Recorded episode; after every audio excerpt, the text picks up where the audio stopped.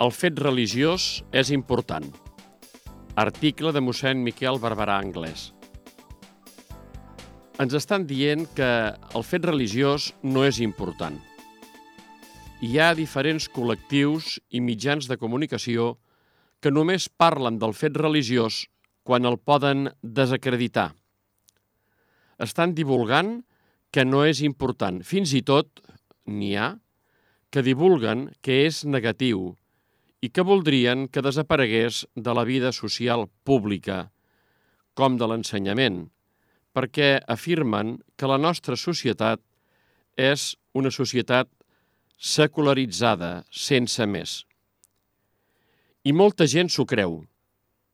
Han aconseguit crear un ambient molt enrarit al voltant de l'Església i de tot el fet religiós.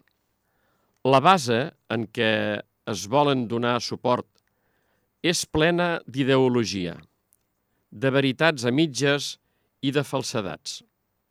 Amb data 17 de gener, Catalunya Cristiana va publicar una entrevista molt interessant de Firgas Aubira, expert en diàleg amb les religions, funcionari de la, de la Unió Europea i doctorant en relacions entre l'Estat i l'Església a la Facultat de Ciències Socials de la Pontifícia Universitat Gregoriana de Roma. Trameto algunes idees sobre la secularització. Cita un llibre magistral, La edat secular, d'un sociòleg de la religió canadenc, Charles Taylor, que diu Som en un període postsecular. La teoria de la postsecularització ha superat la teoria de la secularització. La religió no ha desaparegut, ha mutat, revesteix altres formes, continua molt viva.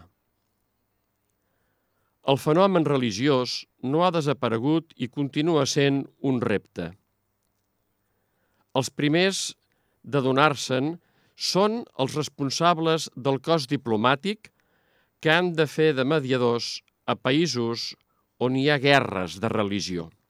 Si la secularitat, que és la sana autonomia de la religió i de l'Estat, es torna una ideologia, es torna secularisme.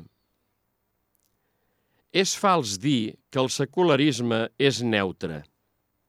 Benet XVI ha dit que el rebuig per part dels líders europeus d'incloure una referència a les arrels cristianes d'Europa a la Constitució Europea era una apostasia, una negació d'ella mateixa. Fins i tot les paraules secular, laic, són d'origen religiós. No es pot parlar de laïcitat europea sana sense una referència religiosa. I cita les universitats, els hospitals, els drets de l'home. El secularisme exclou. Exclou una part molt important de la població, amb la seva identitat religiosa. Fins i tot arriba a dir que hi ha molts diplomàtics que són analfabets en el tema de la religió i segurament que hi podríem afegir i molts polítics. No us deixeu enredar.